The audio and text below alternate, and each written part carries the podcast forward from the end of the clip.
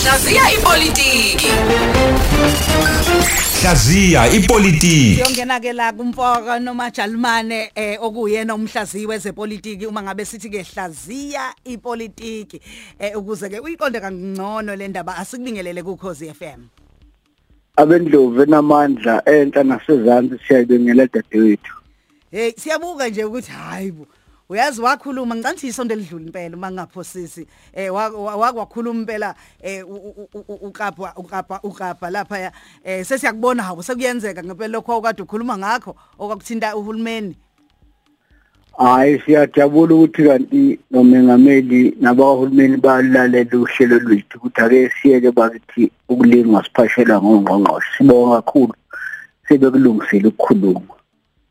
Hey, hayi cha, kulungile siyezithi zakwazi ukukhuluma uma seyithefuwe. Kunjalo. Cha, isihloko sanamhlanje ke futhi esinye esikhona esibuka kakhulukazi ibhelu nomlayezo eh, osobala nje kuhulumeni nosopolitiki. Mhlawumbe eh, ngalesi sihloko uqonda ukuthini? Ngiyenhlonipho ngedadewethu ungakangeni lapho. Eh ngiyafisa ngoba mhlawumbe umuntu uzongalithola ithuba ukuthi eh leli isonto limqoka kakhulu kithi lapha kulesifundazwe nabenguni nje jikelele. Yokuqala kusasa ukuthi eminyakeni ngamashumi amahlanu sithi usuku lokuzala kwesilo singekho phakathi kwethu. Umdloko mbane kuyazalwa kusasa kepha akekho phakathi kwethu. Usikhathi esimqoka lesi sokuthi sonke siyibuzo ukuthi kusho ukuthini lokho nokuthi indlela yaphambili. Isho ukuthini yehora ngo12 namhlanje mini ku Facebook yebayede? Sizosho ukuthi sizokwenza njani ukuhlonipha leso sigaba leso njengesizwe ukuthi sixoxe ukuthi eh liyathi lelakithi kuyaphambili emva kweminyaka ewu50 singakaze singabi nankosi ewumdloko mbane phakathi kwethu. Odabeni ke dadewethu leli okhuluma ngalo ukuthi ukuthini imiyalezo wababhikishi noma weyibhila siqale sivume ukuthi kukhona ongahambanga kahle. Ingqalasizinda iphelile abantu balahlekelwa eh ngefumulo imindeni yaphazamiseka isihombe sibe sibi kakhulu emlandweni waseNingizimu Afrika. Kepha sikushilo lokho ngiyafisa osopolitiki bangasenzisi iphutha. Lokuthi sibheke lapho kuphela singabusabheka umyalezo uthi ukuthini. Bebethini laba bantu kuhulumeni? Bebethini laba bantu eh kumhlabeni jikelele nezenzo zabo? Oqala okufanele singakuvuma masuka nje la. Abantu baseningizimu Afrika bangavumi abantu bakwaZulu Natal bangavumi uhulumeni athi uzoba necommission yokubheka ukuthi bekwenze njani. Ngani na? Ubufakazi buningi dadewethu. Uma uhulumeni engasuthi uzokwenzani noma engafuni ukubopha umuntu uvula icommission ngeke kuboshwe umuntu ke lapho. Kuzokhulunywa into nje ukuthi eh kwanza ukuthi kwenzeka ukuthi bese kuholela laba abaphenyayo sekuphelile ke njalo. Abantu baseningizimu Afrika bathi abantu ababulewe finish akuboshwa abantu. Le ama commission eh kwaZulu Natal singayivumi ngoba umnomzane uzikalala uyazi ukuthi une unombiko okhulunywa ngobudlelwane bamandiya nabohlanga lapha. Kwaqhamuka ifundiswa zakhuluma yonke into kwathiwa hayi ayikho lento ekhulunywayo izolungiswa. Uyiqala kanjani kenye ikhomishini ungakayitsheni leyo yokuqala owawuyenzile amandiya ebudlelwane bamandiya? Nabohlanga iphelaphi ngamafuphi singayivumi ikhomishana? Sifune ikhomishana ngoba ababhikishi namandiya sitshene into embili basitshene ukuthi abazwani. Uhulumeni akangene lapha emakhanda akhe ukuthi ubudlelwane phakathi kwamandiya nabohlanga bubi. Lento lokumbambathwa kuthiwa yigebengu abanye bubi kade baba bubi abukaze bube buhle. Kokuqala lokho umyalezo esiwutholile ukuthi ubudlelwane bamandiya nama-Afrika akukho kahle. Uma uhulumeni engafuni ukulungisa bazoyilungisela bona bobabili amandiya nabohlanga bese kuba kubi. Umyalezo wesibili esiwutholile uthi uhulumeni lesi singiso sikhulumayo bahlaziyi lesi singiso esikhulumayo bosopolitiki lesi singiso esikhulumayo somthetho ukuthi umthetho bani uphuliwe. Isisu esilambile kasazi umthetho isisu esilambile asazi umthetho sisekelo. Yabona lento yathi ngilalela nje nosopolitiki eh ngoba bamandla masekonakele umangali basuke bekuphi ma abantu besakhala ubezwa abanye bethi hayi abantu bakithi bawukuthi bawukuthi kodwa babazi nokuthi bakuphi laba bantu. Bakithi. Isisu esilambile asazi umthetho umyalezo sesiwutholile. Baningi abantu eningizimu Afrika abalambile umuntu kumele ambile. Uya ngala intuthu ethembisa ukuthi ngase kuqhamuke okungcono kunalokho amikona uzolandela ngamafuphi. Namhlanje batshenwe ngabanye ukuthi abayotapa ezitolo kusasa bazotshenwa ngabanye.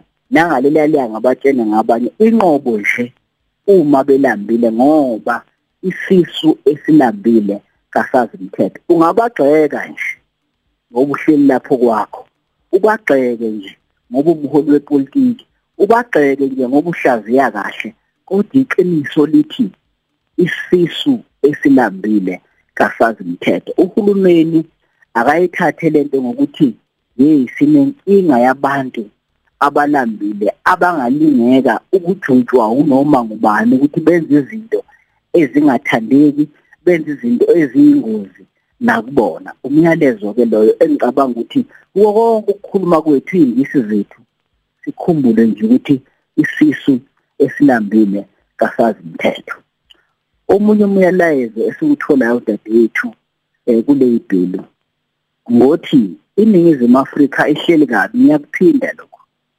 Ihleli kabi makufika ngasohlangothini elwezokuphepha into ezolandela kusuka manje ngiyakuphinda futhi nalokho.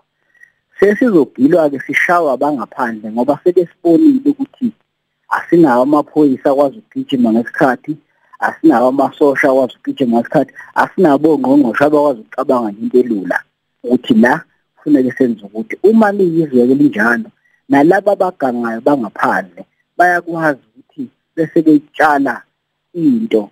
Khumbula ngithe isiso esilambile asazi umthetho. Bazoyitshala kulabantu abalambile bese benivukela bese kuba nenkinga. Ngamafuphi umyalezo siwutholile lo othi kufuneke silungise ezokuphepha eNingizimu Afrika. Ngaphandle kobuqembu ngoba okuzokulandela manje okuzoqhuma manje kube kungasatshalwe yinto sekutshalwa abangaphandle sebesizwa amandla. Khumbula ukuthi iNingizimu Afrika iyangenelela eMozambique iyosukela eh, abantu kodwa ngekahle ngaphansi kwe-AU ithi yavikela abaseMozambique bazokapaka ke beze lapha kithi bazosifika sinqunu nje bafike ziyobhidlika indawo zethu bayawelimala abantu bethu. Umyalezo loyo osukunikwe ibhili lezi esiphuma kuzona. Kodwa umyalezo wesine engibona ukuthi umqoka.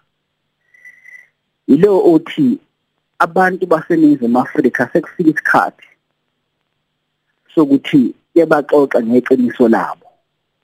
Iqiniso labo lithi kabathembani bonke kabazwani futhi intabamlilo engaqhuma noma yini ngoba dadewethu uma ubona belungu bethi sekukhona indawo ekuthiwa ngezabo labantu abahlala endaweni ekuthiwa ezabelungu nabathi abelungu ezabo nabo bebezinjwa ngoba kuthiwa yibala labo. Labo abahlala emandiyeni bebezinjwa ngamafuphi lezi ezinye zizwana bese zithi sekuyisemakubo la mina akubona akona kimi.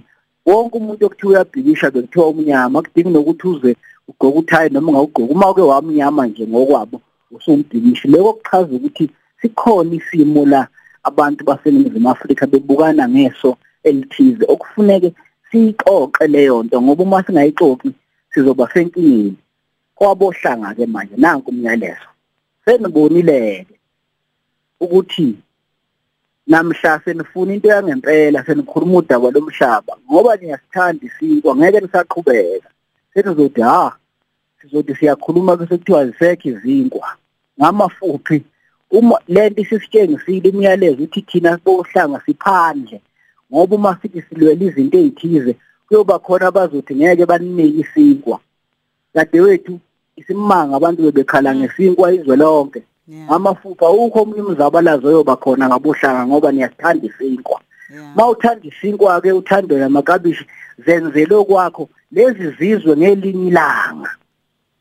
Ngeke usayifuna lutho ngoba ziyokumisha isinkwa ngoba wena umzabalazo wakho umile ekuthenini kudlile isinkwa noma ukudlanga Mm. lezi zinto sezisifundisile ukuthi asikho ndawo.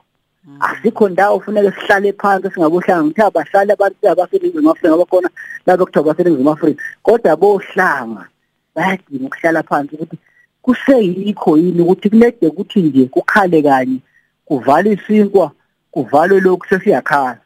Kwaqale kwafika ukhuvethe ahlalanga nensuku ezintathu sathi isinkwa isinkwa. Namhlanje kufika ibhelu isinkwa isinkwa. Ikhona ke ingozi ukuthi sebenibonile ukuthi hayi mina nikwazi ukubekezela uma nifuna into noma yinhle noma yimbi banavala lapha esinkweni ngamafuphi banavala ey'ntweni eniyidingayo isikhathi sokuthi nani bohlanga nixoxe ukuthi yiziphi izinto ekuzoba ngezenu niyidinge ngoba akwazi ukuthi njalo uma nijeziswa akwazi ukuthi njalo uma kunezibheli noma kunezifo bese nivalwa. Ey'ntweni eniyithandayo nani bese impela nikhala kakhulu. Isikumangaliso esibone ngesimedlule abantu nje sebethi impela ngenxa yesinkwa. Kwaba njalo nomshaqala ukhuvethe siyisizwe sesinkwa. Uma sike sanisho isinkwa siyathamba. Leyo nto ke ichaza ukuthi ngelinye ilanga sithi sikhuluma into yangempela ekhulumeni sithi sifuna umhlaba mhlawumbe kube kubelungu bese bethi abelungu ngesanikwa eh ukolwe. Eh, ngesanika umbila ngesanika isinkwa. Sosuthi hayi abaqhubeka abelungu bangaze basinisheni isinkwa. Chaza ukuthi sinqunu njengabohlanga yiyo ke imiyalezo engicabanga ukuthi siyitholile le uma sifuna ukuyibuka ngeqiniso singaloku sishona le lokho ukuthi kusho izitolo siyakubona into yamaphoyisa kodwa ikhona imiyalezo nje eqondile. Eh oqala ngiyagoqa ngedadewethu amandiya nabohlanga bazwani futhi isazo- isazobhekana isaqala ngisazobhekana. Uma bengayilungisi osopolitiki. Okwesibili osopolitiki bethu ake bayeke ukukhuluma dadewethu engazi ukuthi bayasazi. Sekucacile kithi ukuthi abasazi. Abasazi asazi ukuthi isisu esilambile asazi imithetho. Ngisho ungakukhuluma isigiso esinjani ukuthi laba bantu babi bakusi economy GDP singisakho leso. Isisu esilambile asazi imithetho. Kodwa okwesithathu izizwe azizwani lapha eNingizimu Afrika kanti okugcina abohlanga sinqunu sinqunu ngoba sesizukulwane nesizwe esilawulwa ngokuthi sinkwa sikhona noma sikho. Into ebuhlungu ke leyo eyichilo kithi singaka. Yo, Mfoka noNjalimane ngibuka nje la ku Twitter ngibona na ku Facebook eh, ukukhuluma kwabantu kuningi eh baxoxa ngayo lento oy- oyisho ngen- ngenxa ke eh, yesikhathi ke singeke sakwazi ukuthi sikufunde konke. Kodwa nje eh, siyabonga kakhulu ukuthi ke usihlaziyele ke ezepolitiki. Oba ngiyabonga dadeni njengoba ngishilo ngo12 sikhuluma lwesilo kodwa manje abantu ake siyoyixoxa lento ngoba kufuneke sixoxe njengabohlanga. Asikwazi bakithi ngisakusho lokhu kubuhlungu kuyaqaqamba asikwazi ukuba isizwe esilawulwa ngokuba khona kwesinkwa ngoba kusezo okuningi okusafuneka sikulwe okuqondene nathi. Bazosibamba ma- ngamakhwahla bafo bathi sinkwa ngeke basinike sona uma singafuni ukuvuma lento abayivumayo. Asenze izinto zethu asenze izinkwa zethu asenze amabhizinisi ethu khona singeke sibanjwe ngamakhwahla kuya phambili. Hlaziya ipolitiki. Hlaziya ipolitiki